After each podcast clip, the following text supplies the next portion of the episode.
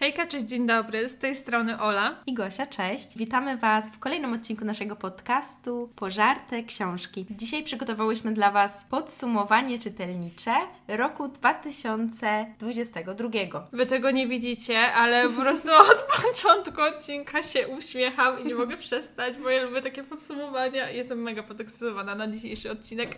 Statystyki, wyliczenia, przemyślenia. Fajnie. Excel.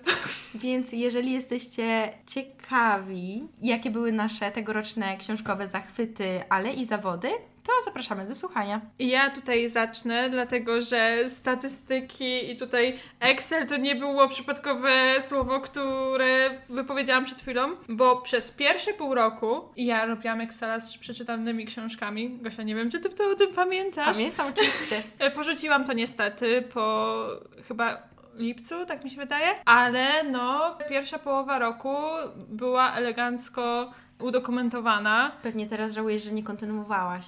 Oczywiście, tak. To byłoby wygodniejsze, bo przygotowując się do odcinka, chciałam trochę podsumować na przykład, które gatunki najczęściej czytałam i no nie przeczytałam aż tylu książek, żeby się nie połapać, aczkolwiek z Excelem byłoby zdecydowanie łatwiej. Więc trochę statystyki na początek. W tym roku przeczytałam 67 książek.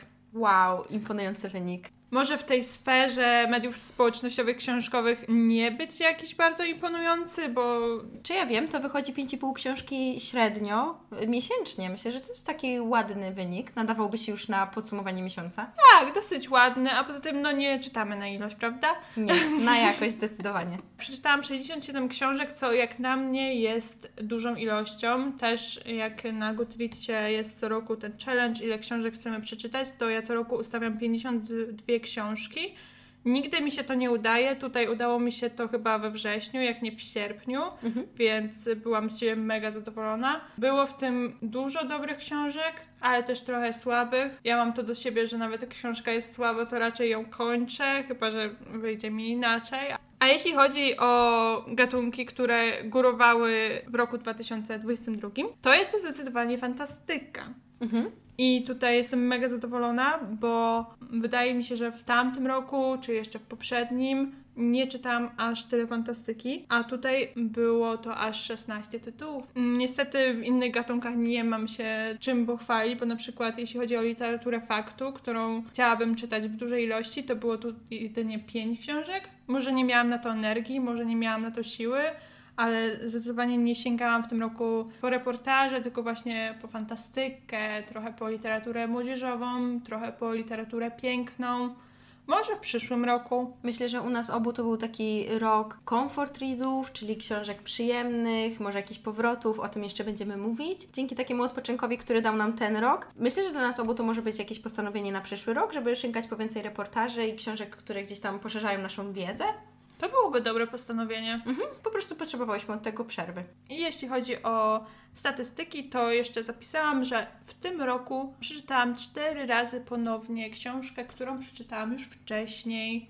I były to dwie części Harry'ego Pottera, które przesłuchałam w audio Daisy Jones and the Six, bo poleciłam ją komuś i przypomniałam sobie, jak uwielbiałam tą książkę i musiałam przeczytać jeszcze raz. I Igrzyska Śmierci. Widzę tutaj pewien schemat, czyli sentymentalne powroty do młodości.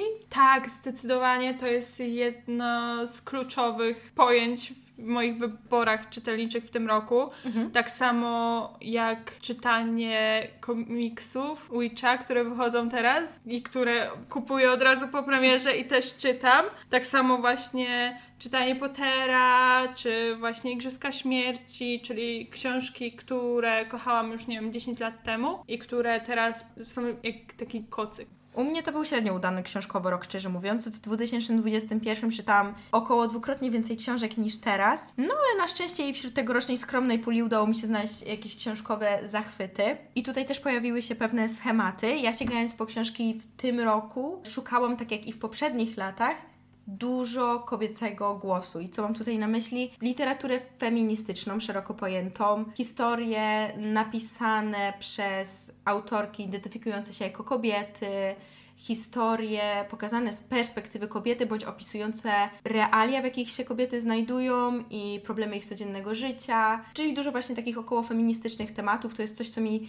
towarzyszy w moim y, młodo-dorosłym życiu, że tak powiem, i myślę, że jeszcze długo mi będzie towarzyszyło. To jest ta jedna strona książek, które się pojawiały w moich wyborach czytelniczych w y, poprzednim roku. Natomiast drugim takim mocno widocznym motywem, który się gdzieś tam pojawił, są książki, które są takimi typowymi powieściami. Jakieś długie, piękne historie, książki pełne poetyckich, rozległych opisów przyrody, ale też i emocji pojawiających się u bohaterów. I tak szczególnie mogłabym wyróżnić wśród tych powieści takie, które gdzieś tam inspirują się powieścią gotycką, bądź są powieścią gotycką. Pojawiają się tutaj takie jesienne klimaty, mogłabym to tak ogólnie nazwać. W książkach, które często wybierałam, mamy taką upiorną, mroczną narrację, fabułę, która kręci się wokół tajemnicy jakiejś. Pojawiają się nawiedzone domy, bohaterowie, którzy mają w sobie jakiś pierwiastek zła, są nikczemni, dwuznaczni, często okrutni, jakieś tematy choroby bądź niewyjaśnionej śmierci. Tylko nie zawsze była to oczywiście w tamtych czasach napisana książka, często to była inspiracja czy jakiś taki vibe wokół tych książek. Jak to wyglądało u Ciebie? U mnie nie ma takich motywów, które by się często powtarzały, ale tak jak wcześniej powiedziałam, przeczytałam dużo fantastyki, na przykład Cały czas żniw, skończyłam Wiedźmina, czytałam znowu Cassandrę Clare, czyli tutaj znowu ten sentymentalizm. Może on był motywem przewodnim tego roku, nie wiem, ale też bardzo czuć w moich wyborach czytelniczych w tym roku wpływ mediów społecznościowych, szczególnie BookToka i mojej ciekawości, dlaczego dana książka przewija mi się przed oczami 100 razy. Na przykład przeczytałam pieśń o Achillesie, It Ends With Us, Wszystko co wiem o miłości, Well of Hypothesis. Były to różne jakościowo książki. Niektóre mi się podobały, a niektóre mi się nie podobały, a niektóre były po prostu średnie, więc dzisiaj nie powiem o nich ani w tych najlepszych, ani w tych najgorszych.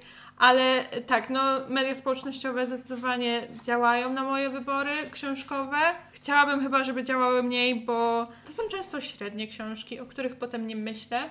Mhm. Ale w tym roku dałam się złapać wielokrotnie, więc dużo jest takich e, hitów TikToka wśród przeczytanych u mnie książek. Jeszcze jak na mnie przeczytałam dużo romansów oraz powieści młodzieżowych. Wydaje mi się, że to przez naładowanie emocjonalne, jakie przeżywałam w tym roku. Jak sięgałam po książkę, to przez dużą część roku potrzebowałam takiego odprężenia mhm. i dlatego sięgałam po jakieś lżejsze pozycje. Dla rozrywki i odpoczynku. Dokładnie. I też trafiłam na kilka bardzo fajnych i bardzo wartościowych romansów i powieści młodzieżowych, więc jestem zadowolona. I tym pozytywnym akcentem możemy zacząć naszą topkę najlepszych przeczytanych książek roku 2022. I tak jak wspominałam wcześniej, wśród moich książkowych wyborów pojawia się dużo literatury około problemów, codzienności i rzeczywistości, w jakiej znajdują się kobiety, taki kobiecy głos. I ta jak najbardziej też mogłaby się pod te kategorie klasyfikować. Jest to książka Papierowy Pałac Mirandy Cowley Heller. Krótko o fabule. Przedstawioną mamy tutaj główną bohaterkę, czyli Elle, która jest 50-letnią mężatką, jest matką, jest również córką. Z zewnątrz jej życie jest normalne, ułożone, szczęśliwe, po czym pojawia się tutaj pewien romans, który kwestionuje to szczęście i kwestionuje to, jak odbieramy z zewnątrz ten obrazek rodziny, który tworzy się wokół głównych bohaterów. Jest to książka o emocjach i przeżyciach osoby, która zachowuje milczenie, gdy cierpi, bo to zabranie głosu i rozmowa wydaje się bardziej bolesne i skomplikowane niż pozostanie w samotności w tym cierpieniu. Był to motyw, który niesamowicie mi się podobał. Książka też opisuje temat wielopokoleniowej krzywdy, dlatego wspomniałam wcześniej, że El, główna bohaterka, jest matką, ale też córką, też wnuczką, bo jest tutaj pewna krzywda, która przez błędne przekonania i właśnie to przemilczanie spraw z czasem ogromnie rośnie i dotyka kolejne pokolenia, kolejne kobiety. Uprzedzam też, że w książce pojawiają się wątki i sceny przemocy, w tym molestowania. Upewnijcie się, że jesteście w tym momencie gotowi, jeżeli chcecie sięgnąć po tę książkę, bo bardzo polecam, ale jednak te sceny są dość wnikliwe i naprawdę trudne. To, co jeszcze do mnie trafiło podczas czytania tej książki, to styl pisania autorki, bo nie jest on przesadnie poetycki, bogaty w opisy i metafory, ale jednocześnie jest bardzo głęboki, bo właśnie tak głęboko penetruje psychikę bohaterów i wewnętrzne głosy. I też w książce oprócz teraźniejszej linii czasowej pojawiają się retrospekcje, co ja bardzo lubię w książkach. Autorka robi to we wspaniały sposób, bo bardzo konsekwentnie opisuje tak zwane backstory bohaterów, przez co oni są naprawdę spójni i my wierzymy w ich wybory, wierzymy w to, jacy oni są. Poznajemy ich właśnie znowu dogłębnie poznajemy ich od dziecka, poznajemy poprzednie pokolenia i to wszystko łączy się w naprawdę spójną całość. Ja byłam zachwycona tą książką. Pamiętam, że jak ją czytałam, nie wiem, czy to wynika z tego, jak autorka poprowadziła narrację, jaką historię przedstawia, czy jaki ma język pisania, ale ja czułam każdą tą emocję. Odkładając tę książkę, po prostu cała drżałam, bo czasami było tam pokazane tak silne cierpienie. Dlatego ta książka wylądowała w moich ulubieńcach, bo nawet kiedy ją zamykałam w trakcie czytania, to cały czas o niej myślałam. Tak samo jak teraz, po wielu miesiącach, bo minęło około pół roku, odkąd ją skończyłam. Kiedy na nią patrzę, to cały czas czuję tę powagę słów, która spłynęła na mnie wraz z jej lekturą i uważam, że jest to wspaniała literatura. I chyba to właśnie czyni z książek takich ulubieńców życiowych to, że po tak długim czasie ty opowiadasz o tej książce i ja czuję twoje emocje. Tak, aż które pewnie czułaś podczas czytania i po kilku miesiącach one nadal w tobie siedzą. Dokładnie, aż czuję taki ciężar na sercu, kiedy o tym mówię i głos mi się łamie, bo jakbym miała kamień na płucach, ciężko mi się oddycha wręcz. Tak bardzo wpłynęła na mnie ta książka i na moje emocje i zostawiała jakiś ślad w sercu. No i to powinna robić literatura. Dokładnie. To ja na tą listę topek pisałam na przykład Ukochane równanie profesora o którym mówiłyśmy też w poprzednim odcinku. Przez to, że oba odcinki były o książkach, które cenimy, lubimy, polecamy, to wiadomo, że one się będą powtarzać, bo o dobrej literaturze warto wspomnieć kilkukrotnie. Ukochane równanie profesora to książka o tytułowym profesorze, który cierpi na zaniki pamięci powodowane wypadkiem, przez który pamięta ostatnie 80 minut oraz czasy przed wypadkiem, który się zdarzył tam w latach 80. Profesor ma nową opiekunkę, która ma syna i obserwujemy w tej książce rozwój ich relacji, podczas gdy on jakby każdego dnia poznaje ich na nowo, a mimo to ich relacja się zaciśnia. I to jest mega wzruszające, dlatego że profesor też o swoich uczuciach, emocjach i doświadczeniach mówi poprzez matematykę, bo jest profesorem matematyki. No w życiu nie pomyślałabym, że historia o matematyce tak mnie wciągnie i tak mnie wzruszy, a mimo to to jest tak wspaniała książka, krótka, naładowana taką ilością czułości, miłości i uczuć, że chciałabym, żeby jak najwięcej osób ją przeczytało i poczuło to, co ja czułam, gdy to czytałam. Wspaniała. Rozumiem Cię w 100%, bo gdybym czytała tę książkę w 2022 roku, to na pewno wylądowałaby również w moich ulubieńcach. Ogólnie jakbyśmy czytały te same książki w tym samym roku, to ulubieńcy byliby bardzo nudni, bo dałybyśmy prawdopodobnie te same książki. Tak, to prawda, więc może w sumie dobrze się stało. No właśnie, no bo mówiąc o takich książkach, które mają w sobie dużo czułości i miłości, to nie mogę wspomnieć teraz o moim drugim ulubieńcu ubiegłego roku, czyli książce Nic tu po Was autorstwa Kevina Wilsona. I tutaj ta czułość i miłość pojawia się do drugiej osoby, ale też do samego siebie i zaraz wyjaśnię o co mi chodzi. Mamy w tej książce w fabule główną bohaterkę, która po latach ponownie znajduje się w życiu swojej przyjaciółki z lat szkolnych, ponieważ ta prosi ją o pomoc przy opiece nad dziećmi. Te dzieci są tutaj w cudzysłowie problematyczne, a tak odbiera je ich otoczenie, ponieważ można powiedzieć, że są niesforne, niegrzeczne. Ja się oczywiście z tymi określeniami nie zgadzam, ale tutaj na potrzeby wytłumaczenia fabuły ich używam. I to, co mnie bardzo porusza w tej książce, to właśnie wątek odrzucenia i bycia niechcianym, ponieważ się dziś nie pasuje, ponieważ jest się nie takim, jak od nas wymaga społeczeństwo, co nie zawsze wynika z nas samych i na co nie zawsze mamy wpływ. To, co mi się tak bardzo podobało, to to, że można tę książkę odczytać dosłownie, czyli właśnie pomyśleć o tych dzieciach, o historii jakiegoś dojrzewania, o historii przepracowywania pewnych rzeczy między pokoleniami, ale możemy też to odczytać w metaforze i nawiązać do swojego wewnętrznego dziecka, czyli możemy przeżywać tę książkę dwojako. I to mi się bardzo podobało, bo czasami utożsamiałam się z tymi dziećmi, czyli tutaj nawiązywałam do swojego wewnętrznego dziecka i kiedy one się czuły niechciane, niegrzeczne, że popełniły błąd i z tego powodu są odrzucane przez społeczeństwo, przez innych, na których powinni liczyć, którzy powinni być ich wsparciem, czyli tutaj rodziców i najbliższych opiekunów. Można było jakby skupić się, złapać te emocje i wykonać autorefleksję w związku z niej, ale, co bardzo mi się podobało, można było też przeżywać tę książkę z perspektywy głównej bohaterki, o której wspomniałam, która się zajmuje tymi dziećmi i która o te dzieci walczyła. Mieliśmy tutaj te dwa głosy tych dzieci i poczucia odrzucenia i bycia niechcianym i ten głos osoby, która o nie walczy, która chce je wesprzeć, która mówi jesteście wspaniałe takie, jakie jesteście, kłóci się z innymi, na przykład z ich rodzicami i mówi przecież te dzieci są wspaniałe, dlaczego nie kochacie ich takie, jakie są. I bardzo mi się podobało to, że można było przeżyć właśnie z taką czułością do takich emocji, które gdzieś tam pojawiały się w nas, może w dzieciństwie, a jednocześnie to przepracować, budując razem z główną bohaterką, z tą opiekunką dzieci, ten głos wspierający nasze wewnętrzne dziecko. I oprócz tego, że ta historia jest po prostu fajna fabularnie, to bardzo podobał mi się ten przekaz. Kolejną książką, którą ja dałam do swojej topki dzisiejszej, e, jest Teatr Złoczyńców czyli książka, która przez wielu jest porównywana do tajemnej historii, aczkolwiek według mnie jedynym punktem wspólnym jest elitarna uczelnia i śmierć. No niby dużo, aczkolwiek według mnie te książki są zupełnie inne. Obie przeczytałam w tym roku zresztą i jak widać, tajemna historia nie trafiła do topki. Aczkolwiek tutaj bez kontrowersji też mi się bardzo podobała. Po prostu teatr złoczyńców jakoś bardziej mnie dotknął. Mhm. Może to był, nie wiem, lepszy czas na czytanie tego typu historii, a może po prostu bardziej mi się podobało, ale w Teatrze Złoczyńców mamy też elitarną uczelnię, bardzo małą grupę studentów, no i zabójstwo bądź samobójstwo, nie wiemy, jednego z nich.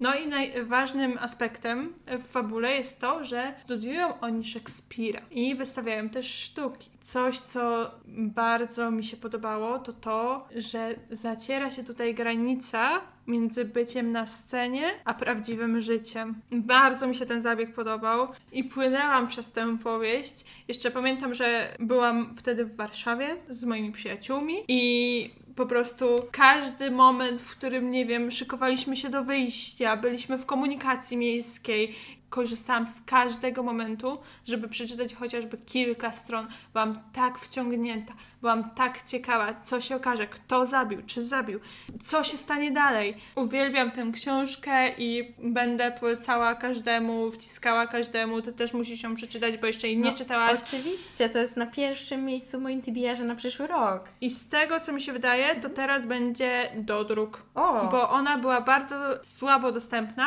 Mhm. Ja nie wiem, jakim cudem dorwałam ją w Biedronce w tamtym roku. Była przez chwilę, ale mam nadzieję, że ten dodruk tak tchnie nowe życie w nią, bo jest zdecydowanie za mało znana. To prawda, tym bardziej, że o tajemnej historii Donny Tart mówi się tak często i tak dużo, tak. a widzę tutaj jakieś podobieństwa, tak jak mówiłaś, bardziej w oprawie niż w samej treści, mhm. ale wciąż z takich mroczniejszych tematów też y, z wątkiem kryminalnym, gdzie pojawiają się zabójstwa, morderstwa, samobójstwa, choroby, nie wiemy, właśnie na tym polega ta tajemnica. U mnie w moich ulubionych książkach pojawiła się moja kuzynka Rachela, Daphne du Maurier. I to, co mi się niesamowicie podobało w tej lekturze, to wieloznaczność, jeżeli chodzi o moralność i intencje bohaterów. Bo znowu można interpretować historię na mnogość sposobów, czyli coś, co lubię, o czym wspominałam w poprzednim ulubieńcu. I mimo tego, że narracja jest prowadzona z perspektywy jednej osoby. Tutaj mamy panicza Filipa Ashleya, który przechodzi przez żałobę po utracie swojego ukochanego, najbliższego, można powiedzieć, opiekuna, członka rodziny, który zostawia mu ogromny spadek w postaci całego majątku, jaki posiada opowiadał. I nawet po przeczytaniu i poznaniu zakończenia nie wiemy, kto był tutaj ofiarą, a kto oprawcą, ponieważ wokół śmierci jednej z postaci mamy pewne kontrowersje, które przewijają się na kartach tej książki. I to, co nam się wydaje prawdziwe podczas czytania pierwszych rozdziałów, zaczynamy zupełnie kwestionować wraz z biegiem stron i przestajemy wierzyć zupełnie w to, co mówi nam narrator tej powieści, czyli pani Philip, ale też przestajemy wierzyć we wszystko, co mówią do niego inni bohaterowie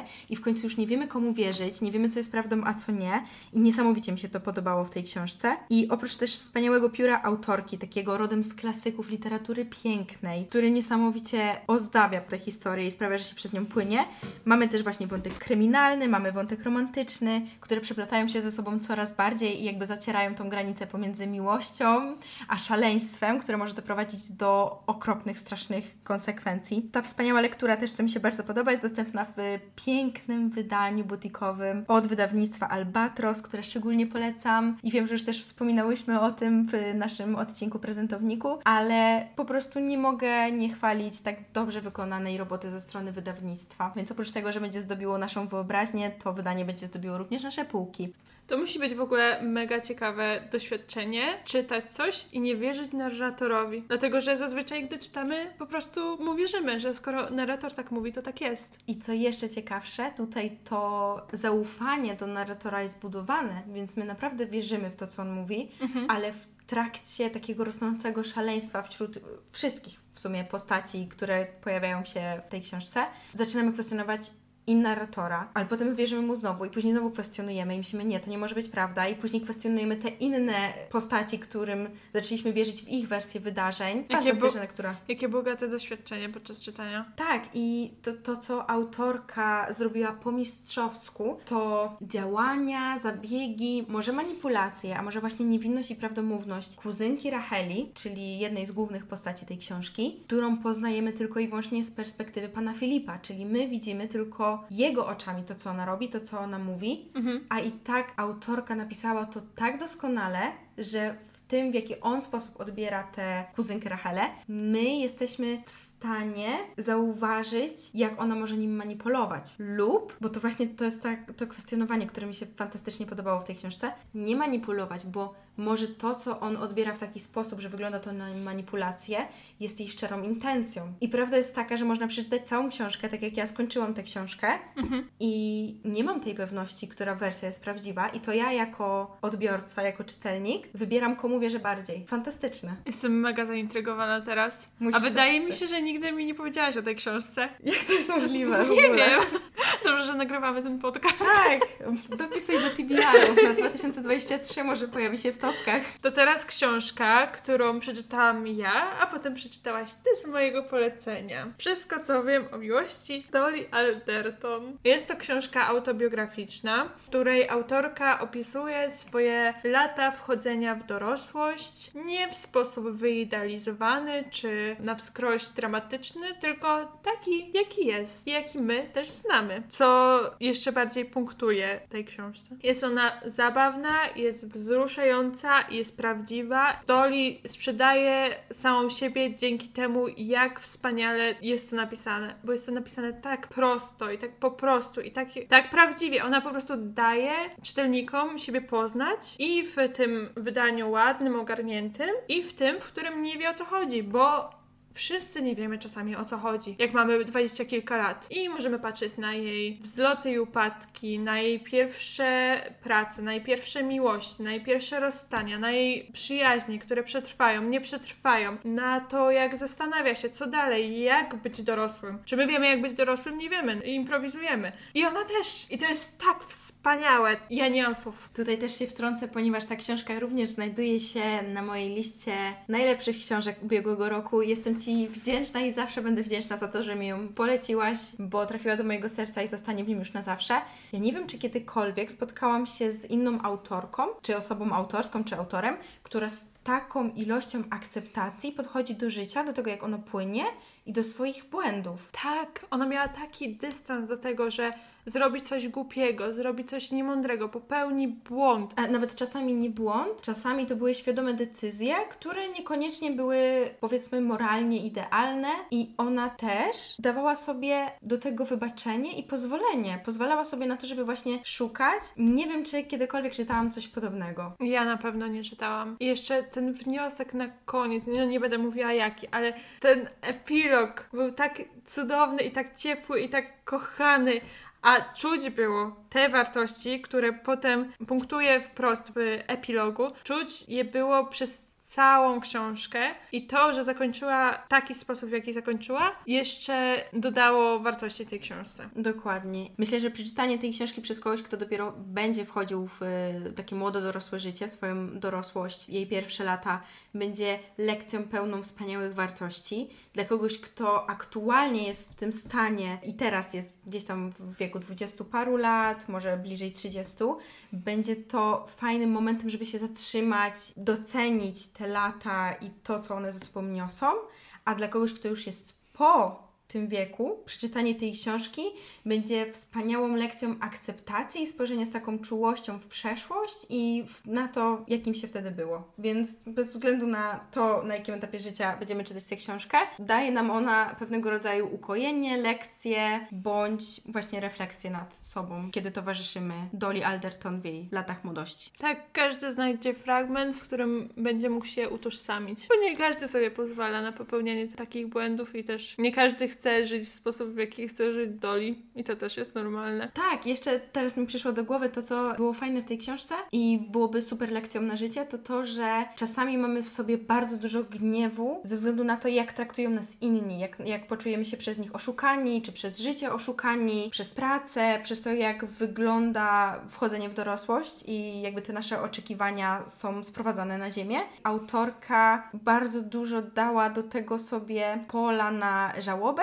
taką nad tym, co nie wyszło. Dawała sobie też to wsparcie przyjaciół, pozwalała sobie pomóc i nie być w tym samą. I to też było piękne, bo często my hodujemy w sobie tą złość, te jakby zranione nasze oczekiwania gdzieś tam sprawiają, że gorzkniejemy, a ona się wtedy otwierała, była w tym takim swoim stanie delikatności, otwarta na pomoc i wsparcie ze strony przyjaciół. To było piękne. Jakie życie byłoby łatwiejsze, gdybyśmy pozwalali sobie właśnie na bycie słabym i wzmacnianie nas przez bliskich, którzy są dookoła. Kolejną książką, a właściwie autorką, która nas łączy w ulubieńcach jest Elif Szafak. Ja w tym e, roku przeczytałam jedną jej książkę i była to pierwsza książka Elif Szafak, którą przeczytałam. Ty masz dużo większe doświadczenie.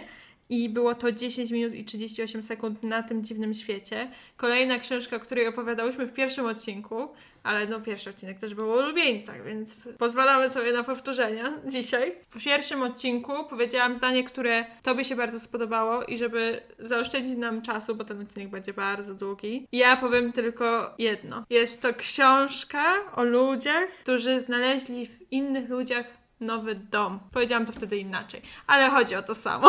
Mi się wydaje, że to już jest reklama tej książki. To jest książka o bliskich relacjach osób, które z jakiegoś powodu zostały niezaakceptowane, wyrzucone ze swojego środowiska i odnalazły w świecie ludzi, którzy byli dla nich nowym domem, bezpiecznym domem taką bezpieczną przystanią i to jest to, co chcę powiedzieć o tej książce dzisiaj. Oprócz tego pojawiają się tutaj też różne problemy społeczne, dzięki czemu możemy zakwestionować swoje poglądy, czy gdzieś uwrażliwić się na problemy, które może, jeżeli nas nie dotyczą, to nie zdajemy sobie z nich sprawy, a powinno się o nich więcej mówić, żebyśmy właśnie mieli tę świadomość, jak wygląda społeczeństwo. To jedna z najważniejszych książek w moim życiu, tak samo jak Eli Szafak jako autorka. I w związku z tym, że tak bardzo ją pokochałam, tylko ja nie czytałam tej książki w ubiegłym roku, tylko chyba w 2020, więc nie mogę jej dać do ulubieńców tego roku, za to jest w ulubieńcach życia, ale autorkę mogę tak zbiorczo dać do ulubieńców tego roku, ponieważ w tym roku również przeczytałam kilka książek Elif Szafak. Natomiast na razie Kolejne, które przeczytałam, m.in. Bękart ze Stambułu czy 40 zasad miłości, nie przebiły mojej miłości do 10 minut i 38 sekund. Też były fascynujące, też były wspaniałe również sprawiły, że gdzieś tam kwestionowałam swoje poglądy, że dużo bardzo myślałam o tym, co uważam o świecie, czy jak wygląda świat wokół mnie i cały czas myślę o tych książkach już na jakiś czas po przeczytaniu ich. Natomiast te tematy, które są przedstawione w tych dwóch książkach są mi trochę dalsze niż te, które były przedstawione w 10 minutach. Natomiast nie mogę się doczekać już kolejnych książek Elif Szafak, które jeszcze przede mną. Cieszę się, że napisała ich całkiem sporo, więc ta przygoda nie skończy się za szybko i naprawdę polecam Wam Elif Szafak w ciemno. Po prostu sięgajcie po jej książki, na podstawie opisu znajdźcie coś, co jest bliżej Waszych tematów, które Was interesują i czytajcie, bo ta autorka pisze pięknie,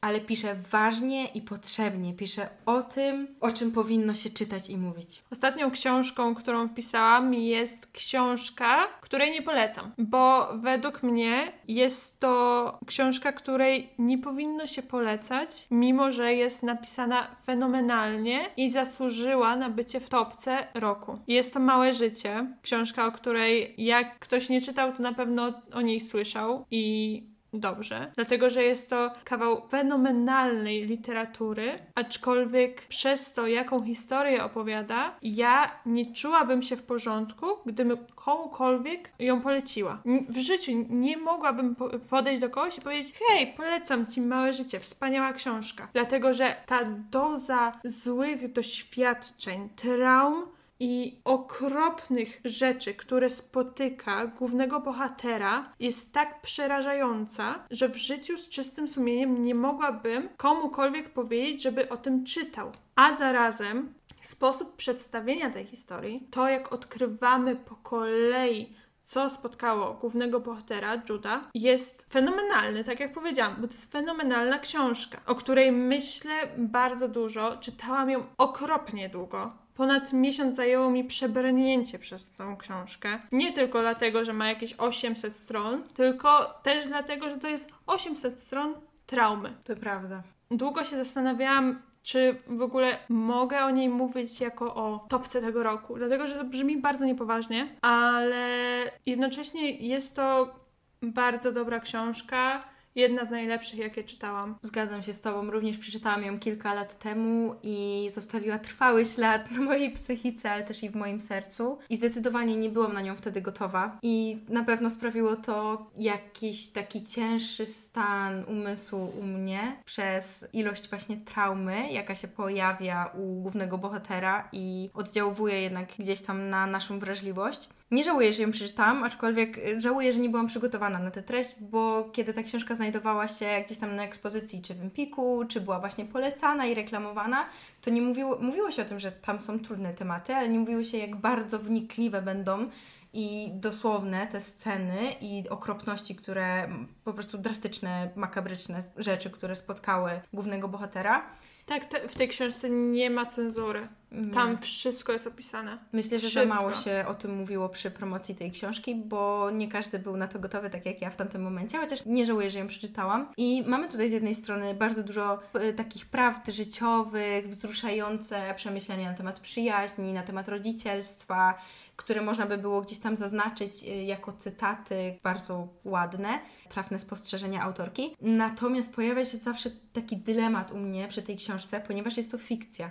I zastanawiam się z jednej strony, czy to było potrzebne? Czy to było potrzebne, żeby aż tak dodawać jedną złą rzecz za kolejną złą rzeczą, za kolejną złą rzeczą i opisywać te okropności, które się przydarzyły tylko jednej osobie w sumie, ale z drugiej strony też widzę, że po pierwsze często ofiary różnych, no powiedzmy przemocy, spotykają jedne złe rzeczy za drugą, ponieważ predatorzy są w stanie wyczuć właśnie ofiarę i na podstawie jej jej osobowości wiedzą, że tą osobę łatwo będzie skrzywdzić, więc jakby rozumiem to, że jest to możliwe, jest to wiarygodne, że jedną osobę spotyka aż tyle zła, bo tak, tak się po prostu dzieje w życiu z różnych powodów. To jedno, a drugie, że zastanawiam się, czy to było potrzebne, żeby tak bardzo opisywać to cierpienie, ale czy to właśnie nie oddaje sprawiedliwości osobom, które cierpią w podobny sposób. Nie robimy disneyowskiej wersji bycia ofiarą przemocy, mhm. tylko pokazujemy, jak to wygląda i jak to jest brzydkie. I my, jako odbiorcy, nie chcemy tego czytać, bo mamy tego dość, po prostu robi nam się niedobrze i słabo czytając te sceny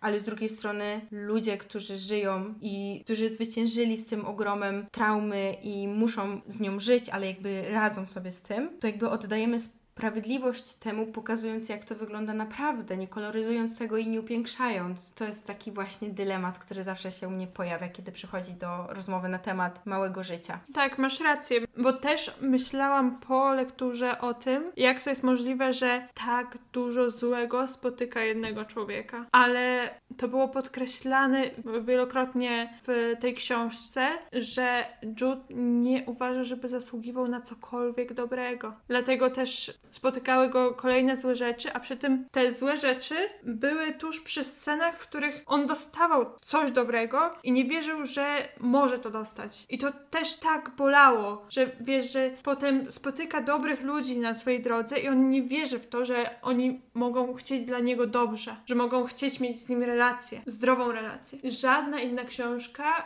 nie bolała mnie tak jak ta. Chociaż bardzo miło się tutaj rozmawiało z Tobą o zachwytach, to niestety przyszedł czas na tą mniej przyjemną część naszego dzisiejszego odcinka, czyli top najgorszych książek, które przeczytałyśmy w tym roku. Ja tutaj się rozpisałam. Ja niestety w tym roku zdecydowałam się na przeczytanie z ciekawości kilku książek, które na dobrą sprawę mogłabym stwierdzić już po opisie, że mi się nie spodobają. No właśnie, no bo co sprawia, że widzisz książkę, która przez swoją tematykę albo autorkę, jakby wiesz z góry, że to nie jest Twój gust, a jednak i tak po nie sięgasz i co mnie zaskakuje, to je kończysz, bo ja na przykład jestem taką osobą, która właśnie, jeżeli jakaś książka mi się nie podoba, daję jej czas, około tak 100, max kilkadziesiąt stron, nie czuję tego, porzucam ją, bo po prostu wolę przejść do innych książek, a Ty je kończysz i co jest w ogóle jakimś ewenementem, to nawet sięgasz po kolejne tomy, mimo tego, że pierwszy Ci się nie spodobał. Wytłumacz ten proces, proszę, bo ja nie wiem, jak to się dzieje, co, co tutaj zachodzi, jak, jakie zjawisko. Ja bym chciała umieć to wytłumaczyć. Oprócz po prostu ludzkiej ciekawości, nie wiem dlaczego to sobie robię. Może po prostu lubię być hejterem. No tak, ale ja na przykład potrafię gdzieś tam skrytykować książkę, mimo tego, że jej nie skończyłam. Ale nie wiesz, co jest potem. Nie wiem, co jest potem. No, no tak, bo to jest też to, że możliwe, jakbym skończyła, to bym zmieniła na jej temat zdanie i tak dalej. Ale są takie książki, które po prostu tak mnie irytują, jak czytam, że ja już wiem na podstawie języka pisania, budowy bohaterów czy jakichś wydarzeń, które mają miejsce, że nic, jakiekolwiek by to nie było rozwinięcie czy zakończenie, nie jest w stanie uratować i uzasadnić tej książki. Ja je po prostu wtedy porzucam. A ty po prostu, czy potrzebujesz przeczytać książkę do końca, żeby czuć się pełno uprawniona do, do krytykowania jej? To też nie jest tak, dlatego że wydaje mi się, że często zostawiam książki w połowie, ale robię to wtedy niekoniecznie z powodu tego, że książka jest słaba, tylko z powodu tego, że aktualnie mnie ona nie interesuje, a książka, którą uważam za słabą, nadal fabularnie może mnie interesować. No tak, bo do tamtych jakby masz myśl z tyłu głowy, że wrócisz do nich w dobrym czasie. Tak. No to coś innego. A tutaj też trochę chcę mieć je z głowy. Okej. To jest też to. Zacznę od y, trylogii. Tutaj miałaś rację, no, no nie znam umiaru. Bo całą trylogię przeczytałaś. Trylogia tego lata stałam się piękna Jenny Han, czyli autorki do wszystkich chłopców, które ko- kochałam. Jest to młodzieżówka o dwóch rodzinach, a właściwie dzieciach dwóch najlepszych przyjaciółek. I tutaj mamy Belly i Konrada i Jeremiah. I chłopaki są braćmi. I tutaj ja nie lubiłam pierwszej części i przeczytałam pierwszą część ze względu na zwiastun serialu, który wydawał mi się taką miłą, słodką, niezobowiązującą młodzieżówką. Czasami takie lubię, więc uznałam, dobra, to najpierw przeczytam książkę. I rzeczywiście sięgnęłam po książkę, przeczytałam ją naraz. Uznałam, że jest dosyć głupia i dosyć nudna. Ja bardzo nie lubię trójkątów miłosnych, a tu jest najgorszy typ trójkątu miłosnego, czyli trójkąt miłosny, w którym są bracia. No, ja, więcej nie trzeba mówić, bo to już jest złe same z siebie. I pierwsza część mi się średnio podobała. Moim głównym zarzutem było to, że była nudna. Obejrzałam serial i natknęłam się na spoiler do drugiej części. Czy nie, do trzeciej części. Okej. I ten spoiler rozwalił mi łeb, bo to było tak głupie, że stwierdziłam, że muszę to A przeczytać. byłaś ciekawa, jak do tego doszło, co się wydarzyło po drodze? Tak, i po prostu potem, fabularnie, ta seria jest absurdalna. To, co się tam dzieje, ci bohaterowie nie mają powodu, żeby się zachowywać tak, jak się zachowują. Niczym nie jest uwarunkowane to, co robią. Wszyscy są zakochani w każdym, ale w sumie bez powodu. Mogą się zachowywać jak chcą, mogą się ranić nawzajem i tak nadal się kochają. I Belly kocha obu naraz. Raz bardziej jednego, raz drugiego, chociaż w sumie bardziej tego drugiego zawsze. Ale mimo to tutaj raz coś się dzieje z jednym, raz z drugim. Uważam, że nie warto tego czytać, więc czemu nie? Obejrzałaś serial, który jest ekranizacją tej książki? Tak, obejrzałam serial. E, Serial był miły też dla oka, taki przyjemny. Za rok nie będę o nim pamiętała, Mhm. ale ogólnie nie było źle. Natomiast książki mają tendencję spadkową. Części na część jest po prostu coraz bardziej absurdalnie. Wśród moich najgorszych książek przeczytanych w ubiegłym roku również pojawiła się taka z podobnym zarzutem z mojej strony, czyli niczym nieuwarunkowany wątek miłosny. I to jest coś, czego ja bardzo nie lubię. I jeszcze, jeżeli książka jest fajnie napisana i na przykład jesteśmy blisko z jakimś bohaterem albo z historią, może z jakiś wątek, nie wiem, chociażby kryminalny, który nas interesuje, to gdzieś tam możemy przeboleć ten wątek romantyczny. Ale w tym przypadku, czyli w książce lepiej niż w filmach, Lynn Painter. Wątek romantyczny stanowi bardzo dużą część książki i fabuły, ponieważ jest to romans młodzieżowy. Akcja dzieje się w szkole. Główna bohaterka jest bardzo infantylna i oczywiście to jest młodzieżówka i bohaterzy są nastolatkami w szkole, ale ona jest bardzo niedojrzała jak na swój wiek, co mi się nie podoba, bo bardzo nie lubię, kiedy, autorzy malują taki wizerunek niedojrzałych, infantylnych nastolatków, bo oczywiście oni mają większe pole do popisu, jeżeli chodzi o błądzenie, szukanie siebie jeszcze, ale w tym momencie, no nie, jest to przesadzone. Nie, nie lubię, kiedy nastoletnie bohaterki są traktowane w ten sposób przez autorów. I w tej książce główna bohaterka, czyli Liz, jest zakochana w chłopaku, który nie reprezentuje sobą nic, co mogłoby sprawić, że pojawia się to uczucie. Nie ma między nimi jakiejś szczególnej więzi na podstawie podobnych przeżyć. Nie jest on nie wiadomo jak powiązany z nią, jeżeli chodzi o wspólne wartości. Nie jest też zbudowana jakaś taka historia większa na zasadzie, że przegadali ileś godzin na jakiś ważny temat, coś razem przeżyli, doszli do jakichś wniosków. Jakby nic. On jest po prostu przystojny, czarujący i uroczy. Czyli takie bardzo spłycanie bohaterki. Mam pewno nawet zdanie tutaj, uwaga, cytuję. Przed laty Michael, czyli tutaj owy interes miłosny naszej bohaterki, mieszkał na końcu mojej ulicy i był dla mnie wszystkim. Kochałam go od zawsze. Reprezentował sobą wyższy poziom niesamowitości. Inteligentny, wyrafinowany i, sama nie wiem, cudniejszy niż inni chłopcy. Ale czemu? Ale czemu? I o Jezu, jakby sam sposób pisania tutaj bardzo mi nie odpowiada, nie lubię tego typu narracji. No ale to już jest kwestia gdzieś tam gustu, jeżeli chodzi o pióro autorki. Ale co to znaczy wyższy poziom niesamowitości? Czemu kochałam go od zawsze? Bo co, bo był miłym, ładnym chłopcem? Nie uważam, żeby nastolatki były aż tak płytkie. I jeżeli już przedstawiamy jakąś postać, która jest płytką nastolatką, to moim zdaniem można to napisać świadomie jako krytyka tej płytkości, a tutaj nie. Tutaj jest to y, protagonistka, z którą mamy się utożsamiać. No nie, nie, podoba mi się to po prostu. I też oczywiście mamy klasyczek, czyli jest zakochana w kimś, kto w ogóle nie zwraca na nią uwagi, jest w stanie zrobić wszystko, żeby on zwrócił na nią uwagę, co też jest no, nie podoba mi się. I oczywiście w tej książce znajduje się jakiś inny chłopak, którego nie cierpi, ale udaje, że super się przyjaźnią, żeby przypodobać się temu drugiemu. Nie ma też uargumentowanego, dlaczego oni się tak nie lubią. Mhm. Czyli jest jakiś względnie atrakcyjny, miły, niegłupi, przyjazny chłopak w jej okolicy i oni się tak nie cierpią.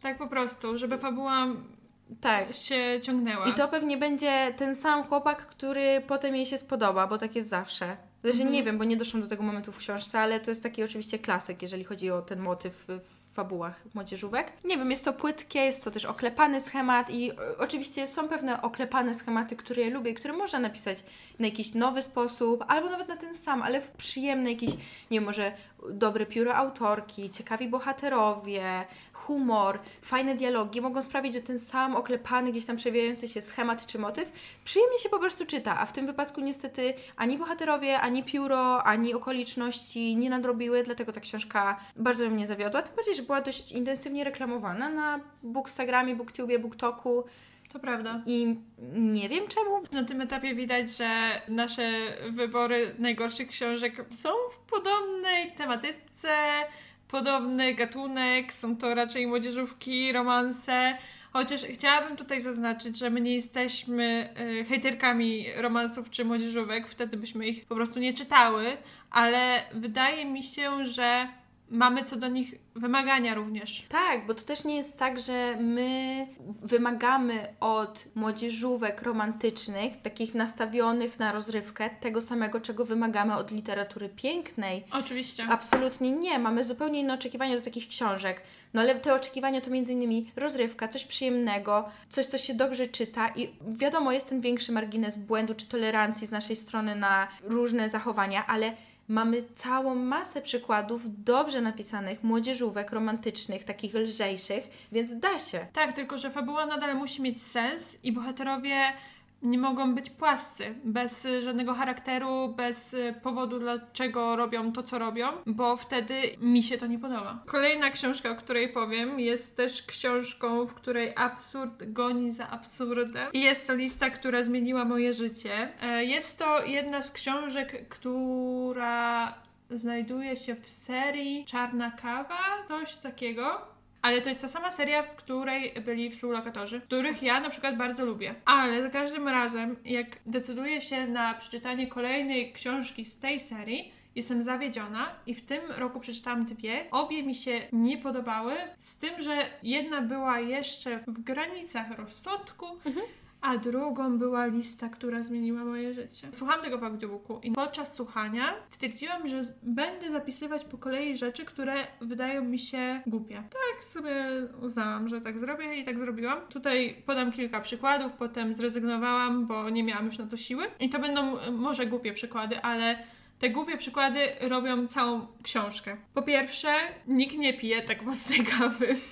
Zapisałam to, bo tam jakaś bohaterka, taka osoba, z którą główna bohaterka pracowała i której się trochę obawiała, miała wyższe stanowisko i tak dalej, piła kawę chyba z poczwórnym czy nawet mocniejszym espresso. I słuchając tego uznałam, czy to nie jest taki skam popkulturowy, że te bohaterki, twardzielki, bizneswomen muszą pić tak mocną kawę? Tak, i też takie klisze i przekoloryzowanie postaci jakieś wytrąca nas z tego ciągu czytelniczego, bo widzimy coś nierealnego, przez co odrywamy się od tego świata. To jest niewiarygodne i dlatego przestajemy myśleć o książce jako o czymś, co czytamy i bohaterach, którzy tam są, tylko zaczynamy myśleć o tym, że autorka, która to wymyślała, te fikcje, poleciała za bardzo i tak dalej. I to bardzo psuje doświadczenie Tak, z książką. tak. Takie odrealnione, przekoloryzowane, małe klisze nawet. Dokładnie. Drugi punkt. Wprowadziła się główna bohaterka, tutaj mowa o głównej bohaterce, wprowadziła się do mieszkania nie zauważając grzyba na ścianie. Myślę, że to nie jest trudne do zauważenia. Też takie przeoczenie, które znowu wytrąca nas z czytania, bo widzimy jakiś błąd logiczny w pisaniu autorki i to sprawia, że nie Tak. wierzymy w książkę, więc Potem była scena, w której opisywana była współlokatorka głównej bohaterki i współlokatorka była zła, gdyż tamta użyła jej szamponu i wyczuła zapach. Czy wyczułabyś, że ktoś użył twojego szamponu? absolutnie nie. I ja też nie. I to są takie małe rzeczy, ale po prostu cała książka była oparta na tych małych rzeczach, które według mnie były niespójne i niemożliwe. Dlatego bardzo byłam zirytowana w ogóle podczas słuchania. A poza tym sam pomysł na fabułę był super, bo mamy bohaterkę, która ma siostrę. I ta siostra ma listę rzeczy, które chce zrobić chyba przed 30 rokiem życia, po czym choruje i nie może wypełnić tej listy. I zamiast tego ta główna bohaterka zamierza zrobić tą listę za swoją siostrę. Mhm. E, Są tam rzeczy, do których nie jest przyzwyczajona, których może nie lubi, boi się, ale przy każdym punkcie z listy ona robi z siebie taką ofiarę. Takie, o Boże, o nie, muszę to zrobić, ale się wstydzę, ale się boję, ale nie lubię ostrego, ale coś tam. Przy wszystkim. Nawet jeśli to jest totalna głupota, prosta rzecz do zrobienia, ona to przeżywała, jakby to było najtrudniejsza rzecz, jaką miała do wykonania w całym swoim życiu. I potem poznaje tego faceta, z którym, no to jest romans, no, z Oczywiście, którym się tak. zwiąże. I wobec niego nawet była taka scena, w którym ona się tak okropnie wobec niego zachowała, ale to było już w drugiej części książki i no nie powiem, co to było, ale po prostu tak irracjonalnie się zachowała, że ja byłam po prostu wściekła. I znowu, ludzie mogą w, i postacie w książkach zachowywać się irracjonalnie i mieć opory i popełniać jakieś tam błędy, głupoty, czy mieć męczący, irytujący charakter, ale to musi być wtedy dobrze napisane i uargumentowane i musi być pokazana gdzieś tam albo przeszłość bohaterki, która sprawia, że ona się tak zachowuje, albo może jakiś rozwój i to, jak ona przełamuje te bariery, a tutaj na początku przed wszystkim się boi, nie chce wychodzić ze strefy komfortu i gdzieś tam z czasem się rozwija, a tutaj no z tego, co mówisz, wynika, że tak nie było, więc to jest po prostu męczące, niepotrzebne i niczym nieuargumentowane. Dokładnie. Jeśli miałabym wybrać najbardziej męczącą książkę tego roku, byłaby to ta. Co do męczących książek, to właśnie z tego powodu, że nie byłam w stanie przebrnąć przez męczarnię, jaką był sposób pisania i narracji przez główną bohaterkę, jest książka Laury Steven Nic Wam nie jestem winna. I jest mi z tego powodu też przykro, bo tytuł Nic Wam nie jestem winna sugeruje coś, co lubię, czyli może jakiś taki feministyczny klimat. Opis też fajny. Widzę, że będzie to młodzieżówka, więc liczę na fajny przekaz y, wartościowy pod tytułem nie musisz y, być miła i do wszystkich się uśmiechać, nie jesteś ozdobą, tylko jesteś sobą, jesteś kobietą, która może walczyć o swoje i zabrać głos i tak dalej, i tak dalej. Tak wynika jakby z opisu, z tego jak ta książka była promowana w internecie i z tytułu Nic Wam nie jestem winna. Brzmi super. Niestety, pióro autorki jest dla mnie nie do zniesienia. I główna bohaterka jest również dla mnie nie do zniesienia, nie cierpię jej po prostu. I każda kolejna strona to była męczarnia. Po pierwsze, książka z założenia powinna opierać się w jakimś tam stopniu na humorze, na jakichś ciętych odzywkach i tak dalej. Tylko tutaj to napisane strasznie i bohaterka stara się być zabawna na siłę. To jest bardzo na siłę, to jest przesadzone, to jest w kółko to samo i ja nie mogę przez to przebrnąć. W ogóle książka się zaczyna w ten sposób. Uwaga, cytuję. I tutaj e, bohaterka zwraca się do nas. Słuchaj, pewno kupiłaś tę książkę, bo przeczytałaś w blerbie, że jestem sierotą, wszystko straciłam, znalazłam się w centrum ogólnokrajowego skandalu i zostałam napiętnowana jako zdzira.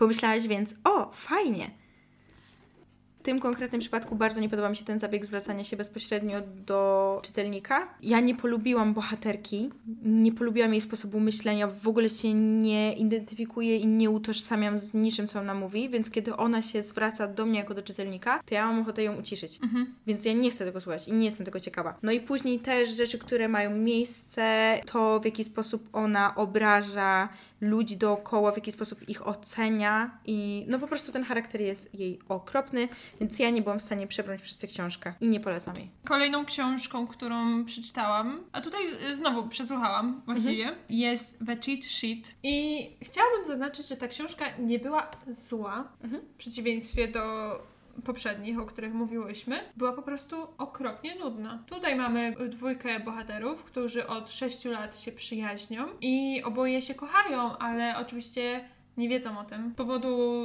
różnych zdarzeń muszą udawać, że są parą, więc mamy tutaj motyw fake dating, który niektórzy bardzo lubią. Ja nie mam nic przeciwko, aczkolwiek tutaj między bohaterami nie było żadnej chemii. Ta książka była tak nudna. Ja nie przywiązałam się ani do niego, ani do niej. Miałam trochę dość tego, że nie mogą sobie po prostu powiedzieć o tych swoich uczuciach i i dać mi spokój.